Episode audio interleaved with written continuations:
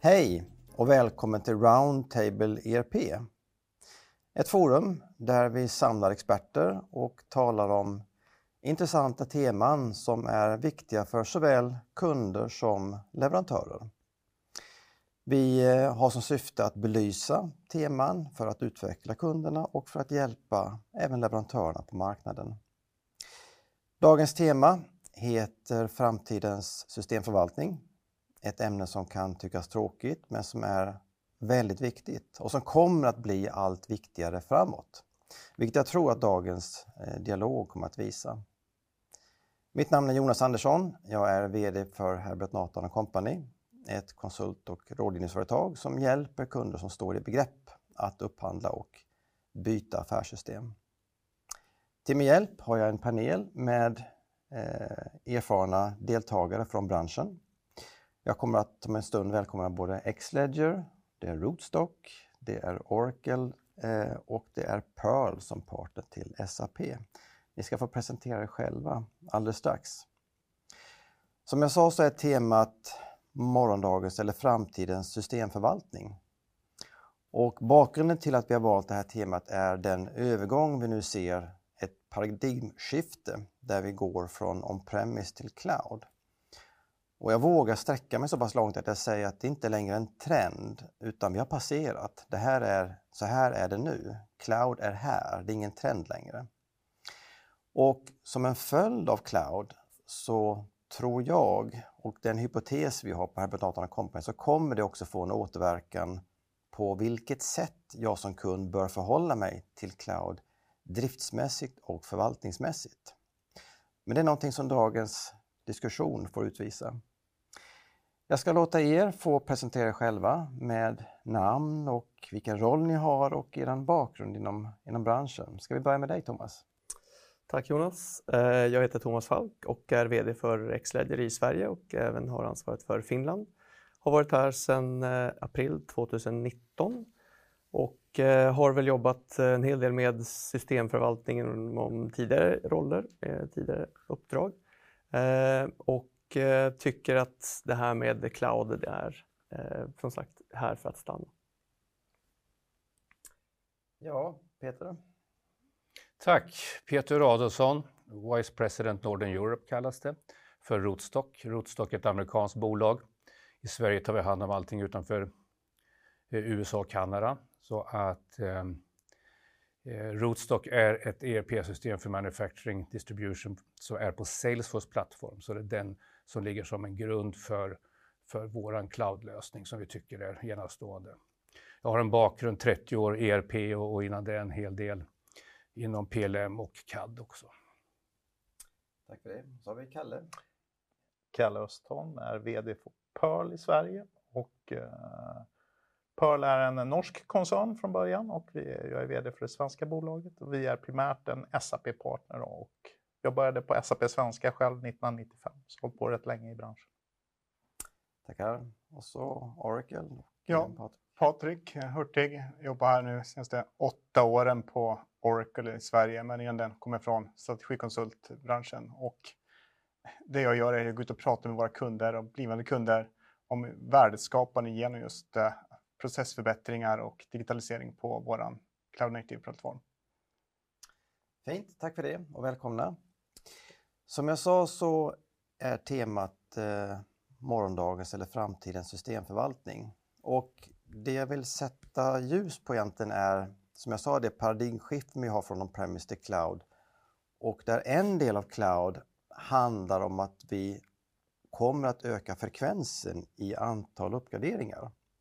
Och det kanske inte uppgraderingarna i sig jag vill ha fokus på, men som en följd av det, om vi jämför med förr, så en kund gjorde större uppgraderingsprojekt vartannat år, vart tredje år eller var femte år som var ganska stora och komplexa.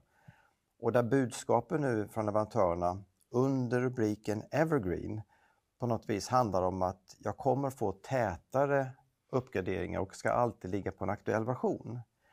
Men följden också blir att jag kanske inte får en uppgradering per år, utan kanske två, eller tre, eller fyra eller fem uppgraderingar per år.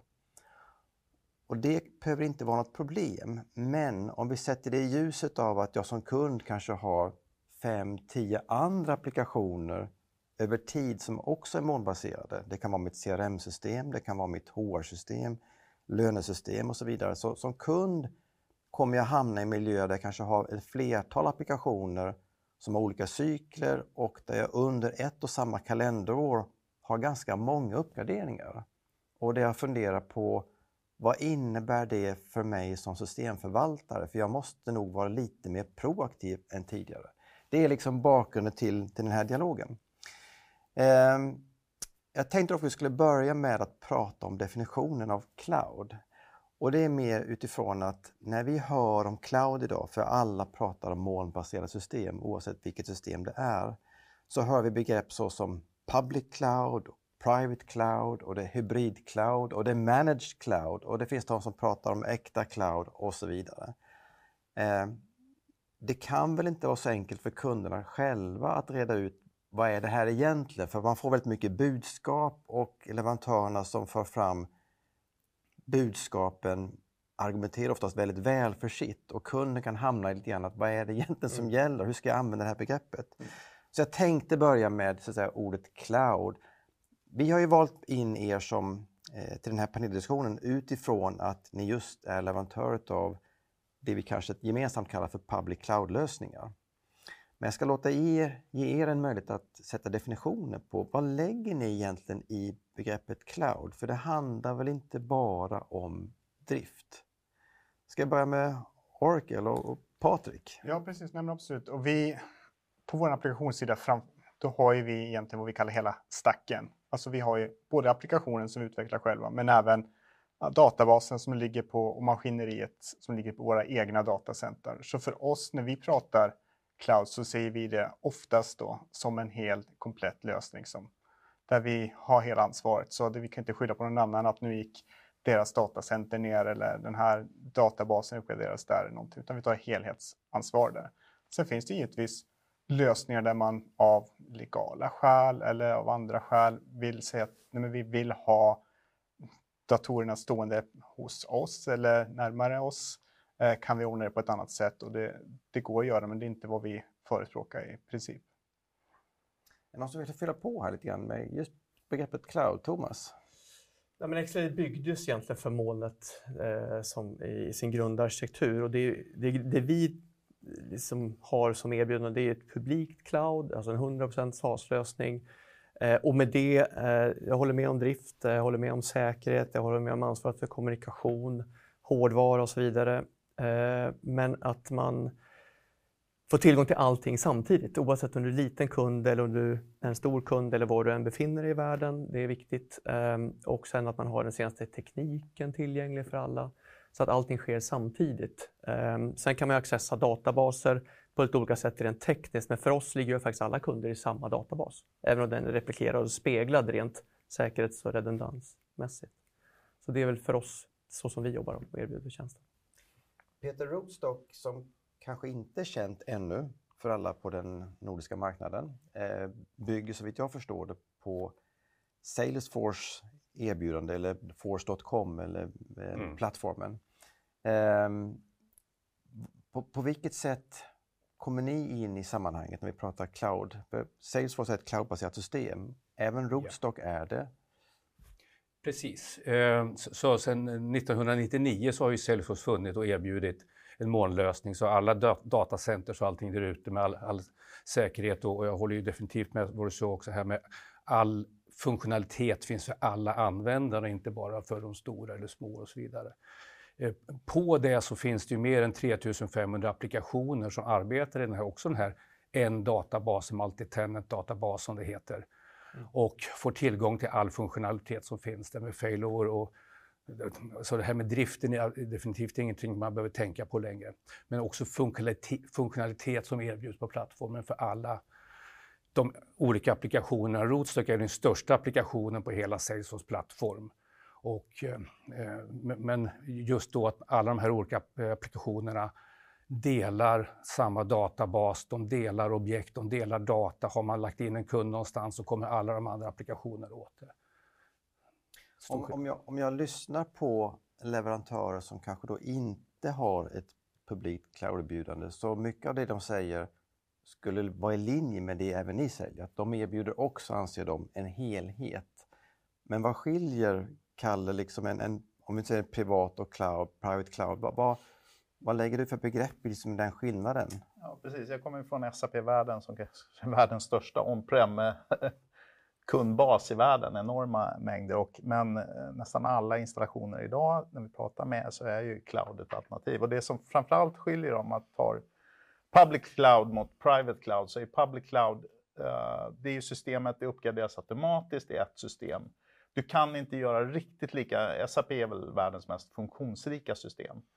Du får ta lite mer av standardkonceptet när du går public cloud-vägen. Eh, går du private cloud, ja, vi har många stora kunder med väldigt komplexa affärssystem där inte public cloud räcker.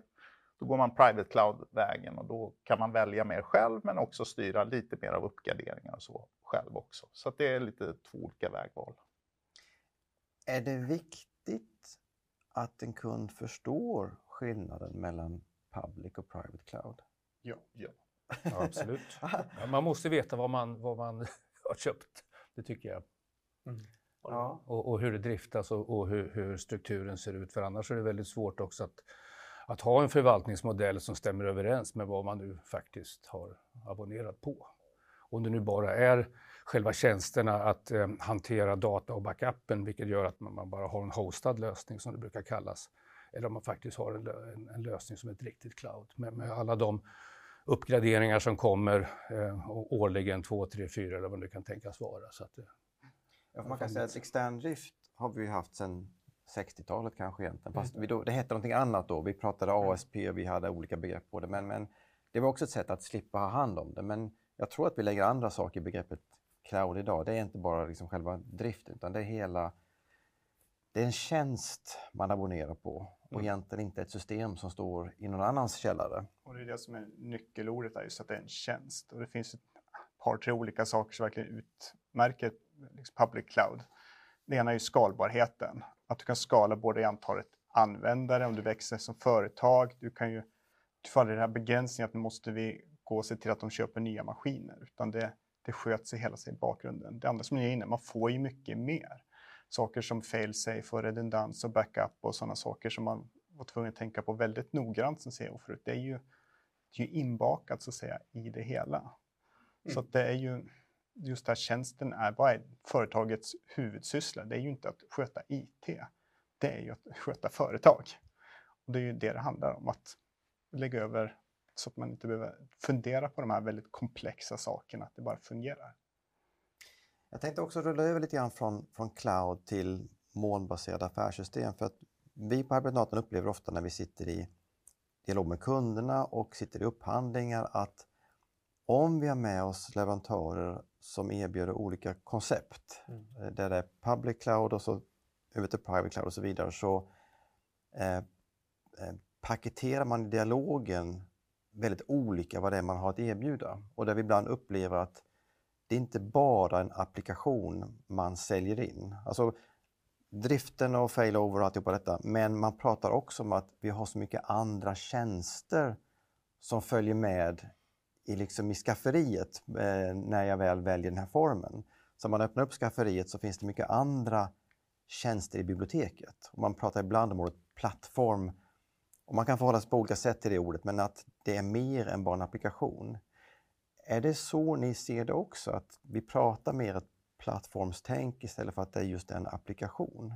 Vad säger du, Kalle? Absolut, helt enig. Uh, mycket av den nyutvecklingen som sker inom SAP-världen kring SAPs cloudtjänster är ju utanför systemet. Det är Internet of Things, det är den typen av tjänster.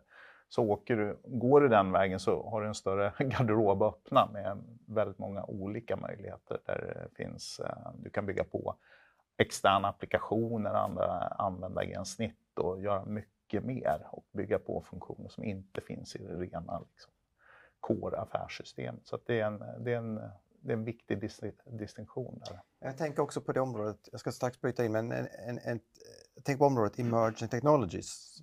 Det är svårt att hitta ett svenskt ord på det, men mm. när vi pratar smarta tjänster framåt så upplevs det som att det Ja, man kan utveckla en del inom applikationen men det ligger också på något vis i ramen runt omkring eller i plattformen att då får jag tillgång till de stödtjänster som krävs för att bli ett mer intelligent system, rätt eller fel uttryckt. Ehm, men är jag inne på rätt område nu? Vad, vad säger ni på? Ja, alltså vi, våran policy är att bygga in alla de här buzzwordsen där det liksom makes sense, som vi säger på den svenska.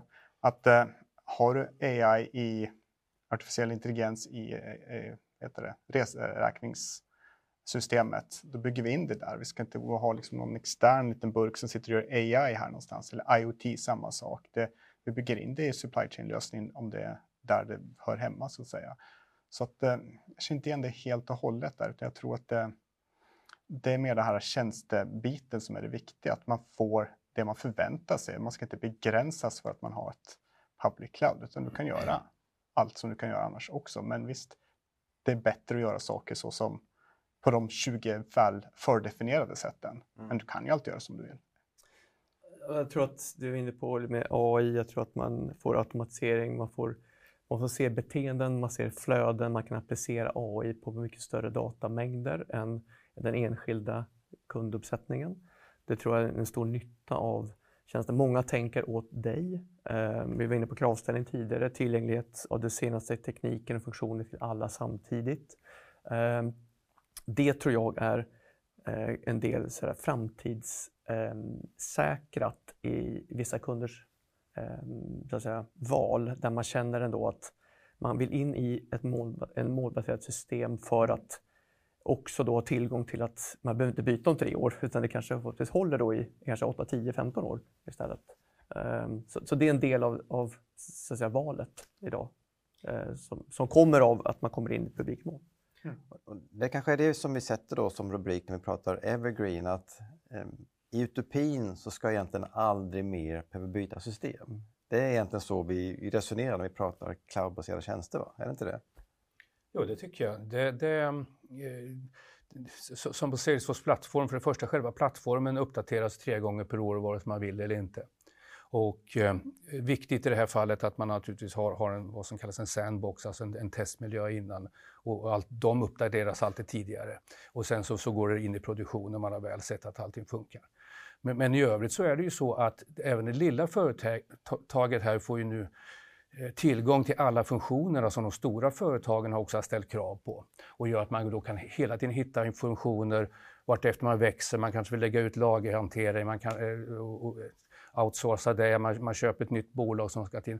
Alla de här möjligheterna finns ju, just som du också var inne på med skalbarheten, mm. att man kan expandera det här och förändra systemet utifrån hur eh, företaget förändras. Och det tycker jag är, är någonting som cloud har gett på ett helt annat sätt än on-premise-lösning. Där man mer var inne och skruvade på hur mycket man kunde ha prestanda de olika lösningarna och mm. hårdvaran som satt. Jag tror systemet måste naturligtvis, menar, ett system kommer inte att lösa allting. Du måste ändå ha en öppenhet att kunna integrera och bygga på, som vi var inne på tidigare. Ehm, så att, så att, och sen att kunna parametersätta och konfigurera inom ramen för målets fördelar tror jag blir en intressantare resa från det har väl påbörjats eh, till viss del, men jag tror att det kommer vara den stora resan framåt. Så hur möjliggör du flexibiliteten för dig i ditt företag? Eh, det kan vara allt från utseende och, och, tema och färger, så, men också kunna ta bort vissa vyer och lägga till vyer beroende på roller. Den flexibiliteten tror jag många är ute efter eh, inom ramen för, för det övriga fördelarna för molnet. Då rullar vi lite grann in naturligt på eh, förvaltning. Det där kanske är underhåll och utveckling, men det är också förvaltning. Och som jag sa, en tes som har varit upptakten till det här forumet idag är egentligen att när vi nu tar steget ifrån kanske cloud till on-premise, eller förlåt, från, från on-premise till cloud, eh, och där vi kanske också över tid får många fler cloud-applikationer och jag hamnar i ett läge där jag har ett flertal applikationer som uppgraderas flera gånger per år. Mm. Har jag påstår inte att kunderna är dumma, men, men jag ställer ändå frågan, har kunderna själva egentligen insett att det här kanske kräver ett för, nytt förhållningssätt förvaltningsmässigt? Vad, vad, har ni för reflektion där? För att, att kunderna anammar cloud kan jag förstå, men frågan är om man också har sett vad det innebär. Har du någon synpunkt där, Kalle? Absolut. Eh, ja, vi ser ju det, det skifte som är att kundens mottagarorganisation måste gå från att förstå lagringskapacitet och databaser och allt det där till att förstå roadmappen hos leverantören. Och sen som vi var inne på tidigare, förstå affären man håller på med. Mm. Och roadmappen mot affären, det är där man behöver liksom bli duktig. För det kommer nya funktioner och om man förstår sin egen business då kan man dra nytta av dem på ett helt annat sätt. Så jag tror det är nyckeln framöver. Inte titta på lagringskapacitet, databaser, utan titta på roadmappen. Vad kommer och hur får vi in det i vår affär? Exakt. Nej, men det är precis det, den rollförskjutningen vi ser, liksom att ha folk som jobbat med databasadministration eller backup eller vad det kan vara, rätt rena IT-områden till personer som egentligen inte jobbar på IT utan hela organisationen. Som du säger, man förstår processen. Nu kommer ett nytt lagförslag från, eller en ny IFRS-standard eller redovisningssed. Behöver vi den här? Den funktionaliteten kommer. Är det något som påverkar oss? Då måste man ju veta det. Ska vi kryssa i ja, vi vill ha den eller inte? Och sen implementera processen i verksamheten så att vi efterföljer den. Det tekniska är, det är enkelt, det bara kommer och, så, och så, det finns där. Men man måste ju även anpassa processen utefter det för att få det värdet som man faktiskt betalar för från en tjänst. Det, det jag hör att ni säger är att vi minskar det tekniska perspektivet Mm. och ökar någon slags verksamhetsperspektiv istället, vilket förändrar rollen kring förvaltningen. Var det något som du tänkte hänga på? Här? Jag tror man måste orka ligga lite närmare produkt. Eh, Roadmap är vi inne på, in på lite samma sak. Att du, du får ny funktionalitet, om det är två, tre, fyra gånger. Du måste orka ta till dig det och så måste du dessutom då förstå vilken nytta gör det här för vår organisation? Om det innebär att vi kan eh, minska organisation eller vi kan göra mer saker snabbare eller någonting. Men det blir kundens ansvar i förvaltningsorganisationen och det tror jag man eh, skulle gärna börja kanske rita upp innan projektet har levererat och gått live. Så att du har en redo förvaltningsorganisation att jobba så, att man ligger när, nära. Sen förstår jag att release notes på 100 sidor, vi försöker göra både powerpoint, videos, webbinar. Jag tror att vi kommer aldrig att, att vara så duktiga så att kunderna upplever att de verkligen får den self-service de kan ha. Men desto mer de försöker så ska vi nog vi försöka bjuda upp till, till dans och, och hjälpa dem på vägen. Ja, för jag tycker vi möter ofta i dialogen med kunderna ehm, en förvaltningsorganisation som vi kan tycka är, den är väldigt passiv. Eh, man ska inte generalisera, men om jag ändå gör det så väldigt många kunder så är det, det finns ett antal utpekade systemansvariga. Men när man tittar på vad som ingår i deras roll och vad de gör på en månads tid så är det egentligen ganska lite. Man har varit så fokuserad på den här uppgraderingen som kommer om nio månader eller tolv månader och så är det den man har fokus på. Däremellan händer inte så mycket. Det är klart att de avhjälper dagliga fel men, men ska man ta till sig en ny produkt som kommer var tredje månad och dra nytta av det så borde man ju ha mer proaktivitet. Det är där jag tror att alla har nog inte riktigt landat där riktigt ännu. Mm. Nej, det, det, det håller jag med om. Det, det, det finns väldigt mycket det. och det finns väldigt mycket som, som inte utnyttjas. i- Som du är inne på, man har en tjänst man faktiskt betalar för. Det finns enormt mycket i den tjänsten som, inte bara att det kommer nya versioner som man behöver tänka på och releaser med funktionalitet, men det finns ju redan i produkten så väldigt mycket mer funktionalitet än vad man nu har implementerat första gången. Som man faktiskt kan börja gå in och titta om man kan använda för att hjälpa företaget eh, som man själv arbetar i på något sätt framåt. Kanske till och med ta en diskussion med CFO eller eh, COO för att se om, om det här kanske är ett bättre sätt bara för att produkten faktiskt erbjuder ett stöd som man själv inte har tänkt på tidigare från början. Så att man, som du säger, man, man blir nog lite nöjd och sitter fast med att jag fick till implementationen och sen så eh, det här framåtblickande kanske saknas lite grann. Sen ligger ju klart ansvaret även på oss som systemleverantörer eller tjänstleverantörer som jag snarare skulle säga att vi är. Att gå ut och kommunicera med kunden på alla olika möjliga plan. Dels liksom att vi har, vi har något som heter Cloud Success Managers, men att man har den aktiva dialogen med kunden, men även erbjuder möjlighet att eh, prata direkt med utveckling, att säga nu har jag det här, hur kan jag lösa det här? Man kan prata med andra kunder, att man har mycket mer aktiv roll som leverantör där. Och det är något som vi har gjort det skiftet också i ITS från on-premise till cloud. Jag tror att det, alla liksom känner igen sig i det. Mm. Ja, det borde ligga i båda parters intresse av att den här tjänsten man nu använder, att den på något vis maximeras och utvecklas över tid. Eh, och som du säger Peter, så väldigt många kunder har ju höga ambitioner i sin upphandling och vill väldigt mycket. Man har kravspecifikationer och man har nyttanalyser. Men där bedömningen blir ändå att ja, vi fick det i drift. Det liksom blev måttstocken mm. istället för att man har mätt att vi har uppnått en viss nytta mm. egentligen. Man, under resans gång så har man sänkt ribban lite grann. Och det är väldigt svårt ofta att ta det här omtag nummer två och komma vidare. Man fastnar på något vis i starten. Ja, och sen, men, men det skiljer sig. Vi ser kunder som är jätteduktiga på att skriva extra eh, användarmanualer, de förtydligar det vi skickar ut. Eh, man, man, jobbar med det här eh, och försöker jobba både med, från sällananvändarperspektiv men även liksom kärnanvändare så, och, och lyssnar in. Och sen också ger oss lite grann feedback på det här skulle vi gärna se komma så vi har möjlighet att kunna lägga till det i, i vår eh, produkt roadmap då som, som mm. vi pratar om. Så det finns, det finns också en tvåvägskommunikation. Jag tror inte man ska vara rädd för att, för att utmana leverantören och säga det här önskar vi. Mm. Yeah. Så, eh, vi lyssnar gärna in marknadens förväntningar. Så, jag så. tror jag kommer inte ihåg siffran exakt, men åtminstone 80% av vår utveckling kommer från kunders önskemål. Ja. Så det, det sker sig naturligt att mm. man får den anpassningen.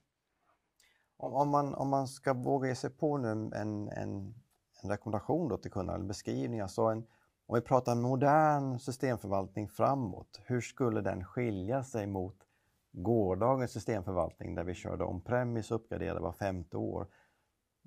Vad gör den kunden som är mer modern i sitt, sitt förhållningssätt i systemförvaltning? Har vi, är någon som vågar ge sig på den, den frågeställningen? Vad kan ja, vi Ja. Jag tror att du ska ha folk som kan ekonomi och logistik, mm. eh, som förstår affärsprocessen, som förstår kundens behov, alltså där du jobbar, där, de processerna i detalj. Och sen har ett genuint systemintresse och följer liksom vad systemet kan. Den mixen tror jag. Det är inte lätt att rekrytera dem, för det är många som vill ha den typen av mm. eh, liksom, människor. Både vi som sitter här anställer ju dem och kunder vill också ha dem. Så det är en tävling om den kompetensen. Men jag tror definitivt att gå från den, vad ska jag säga, den råa IT-kompetensen till mer verksamhet, alltså logistik, ekonomi, personal. Eh, att kunna det och vara intresserad av system samtidigt, den kombinationen kommer vara väldigt attraktiv. Jag tror där ligger nyckeln för många av kunderna framöver. Jag tänker på två ord till som jag skulle vilja lägga med där och det är ansvar kontra mandat. De här personerna kan ju vara intresserade och engagerade men frågan är vad har man för ansvar egentligen för att liksom förbättra och utveckla processerna. Eller, vi pratar ofta processägarskap mm. eh, och ibland möter man företag där man ser att ja, systemförvaltaren, ja, men det är någon som sitter där, men processägare, ja, det är någon som sitter lite högre upp. Men den personen är någonstans väldigt högt uppe och har egentligen väldigt lite med hands-on att göra. Så är det inte på alla ställen, men, men på vissa ställen. och det, det inte lirar ihop. Eh, och visst borde det vara så att ja. när vi pratar framåt mer proaktivitet så borde väl processägarskap komma närmare också den här förvaltningsrollen på något vis. Ja, det är väl samma roll höll jag på att säga nästan, eh, när vi tittar framöver. Det, det, det man måste sitta och tänka båda samtidigt. Ja. Men framförallt fokus på, vi brukar säga lite skämtsamt, liksom att man går från att hålla lyset igång till att satsa på att uh, utveckla värde. Det är liksom det här mentala skiftet i hur man tänker och det är klart, hur ger man det mandatet tillräckligt långt ner i organisationen så att det är människor som verkligen vet vad de håller på med? Det är det som är nyckelfrågan, absolut. Jag håller med dig. Man kan också, alltså det är en komplex roll, så jag håller med dig. Den ska kunna det mesta, de är attraktiva.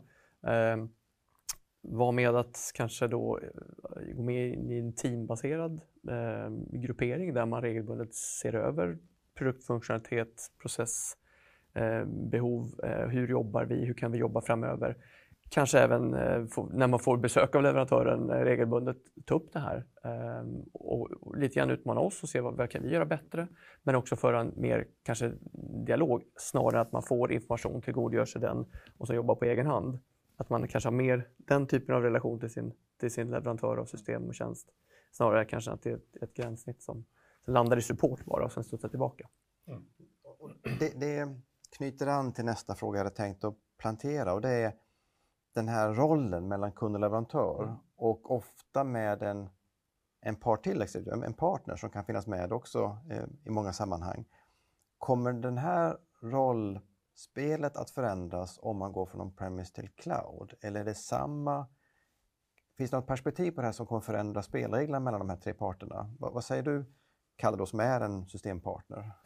Vi ser ju ett skifte redan nu där vi går mer åt att kunna liksom rådgiva kunderna mer om affärsprocesserna snarare än att prata databaser eller liksom lagring eller hur vi ska utöka en server. Så att vår, vårt skifte är ganska tydligt, att vi går från liksom det mer tekniska till att vara mer eh, processstöd åt kunderna. Men behovet är lika stort, om inte större, skulle jag vilja säga, eh, jämfört med tidigare. Men skiftet är jättetydligt. Mm. Är det att dra det för långt att säga att vi kanske på något vis minskar implementeringsfokuset eh, därför att mycket finns redan liksom out of the box när man startar upp och kanske mer fokus på att lyfta kunden liksom mot nästa steg på något sätt.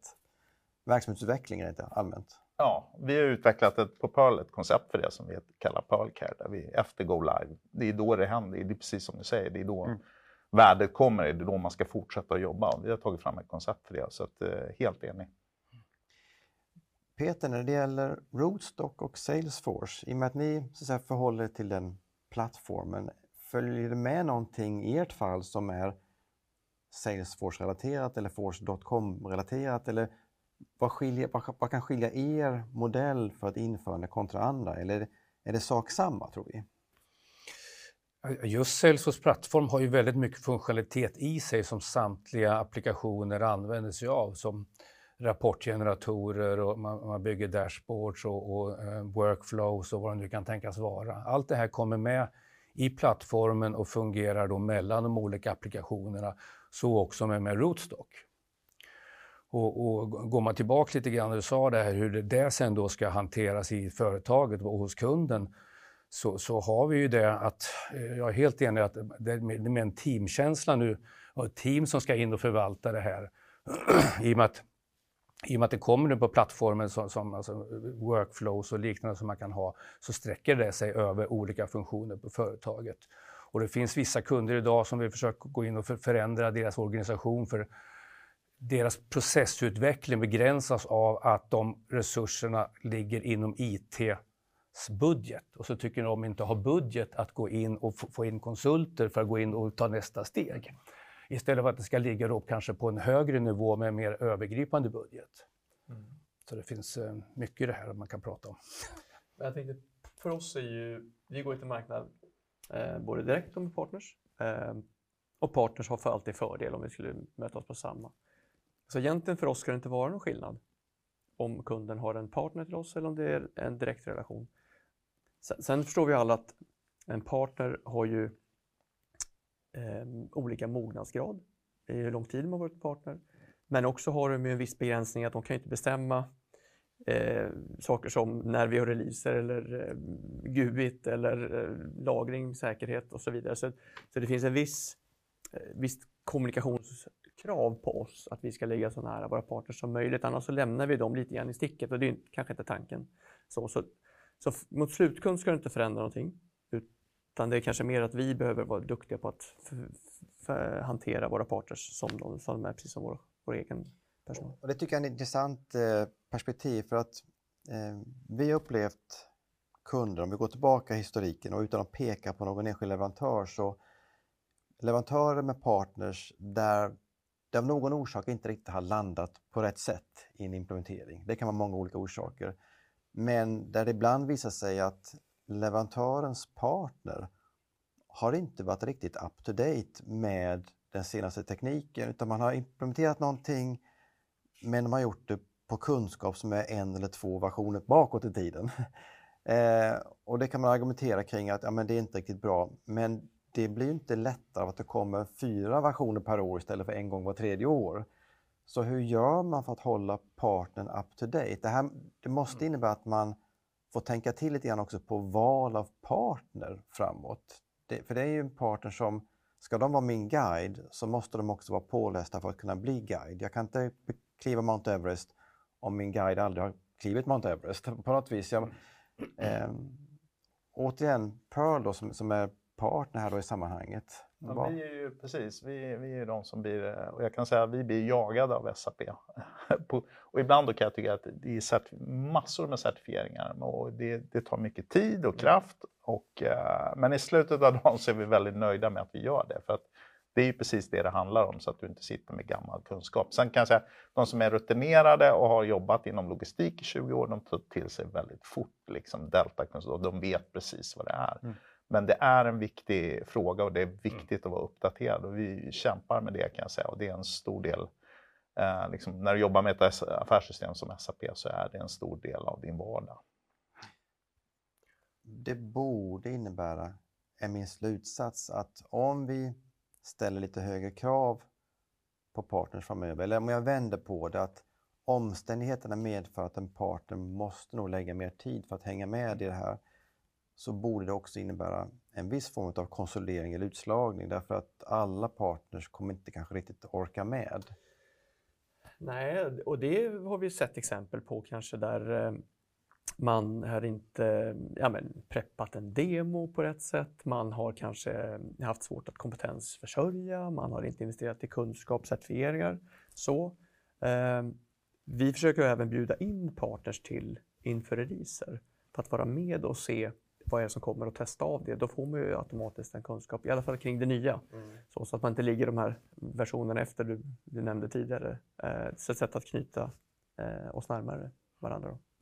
Jag ser ju också att det här är inte bara att ställa krav på kunden och kund, att, att cloudlösningen ställer krav på kunden, det ställer också krav på, krav på leverantören. Också att informera partners och, och se till att man har en dialog för att hela tiden säkerställa att man implementerar det som faktiskt finns. Eller, och dessutom eh, att man har en, en, öppen dialog som man kan prata om. Är det någonting som man inte riktigt tycker man hittar? Ska man bygga det eller, eller kommer det kanske bara precis nästa månad? Så, så eh, den, den, dialogen tror jag är väldigt viktig. Och, och de blir nog viktigare nu framöver, att, man, att de här tre delarna av pusslet håller ihop. Mm. For the common good. Mm. Precis, just den styr och ledningsmodellen, att man sitter både partner, kund och systemleverantör ja. tillsammans och säger hur ska vi göra nu? Ska vi bygga? Det här kommer, det här är på roadmappen. Vad är det vi egentligen försöker göra här? Varför gör vi så här? Vilket skapar mest värde? Mm. Hur löser vi det här? Hur har andra gjort? Att man inte sitter liksom och bara två stycken eller sitter en varje själv liksom och försöker lösa allting. Support, utan man verkligen har en diskussion. Så två pratar om vad den tredje har gjort hela tiden. Mm. Precis.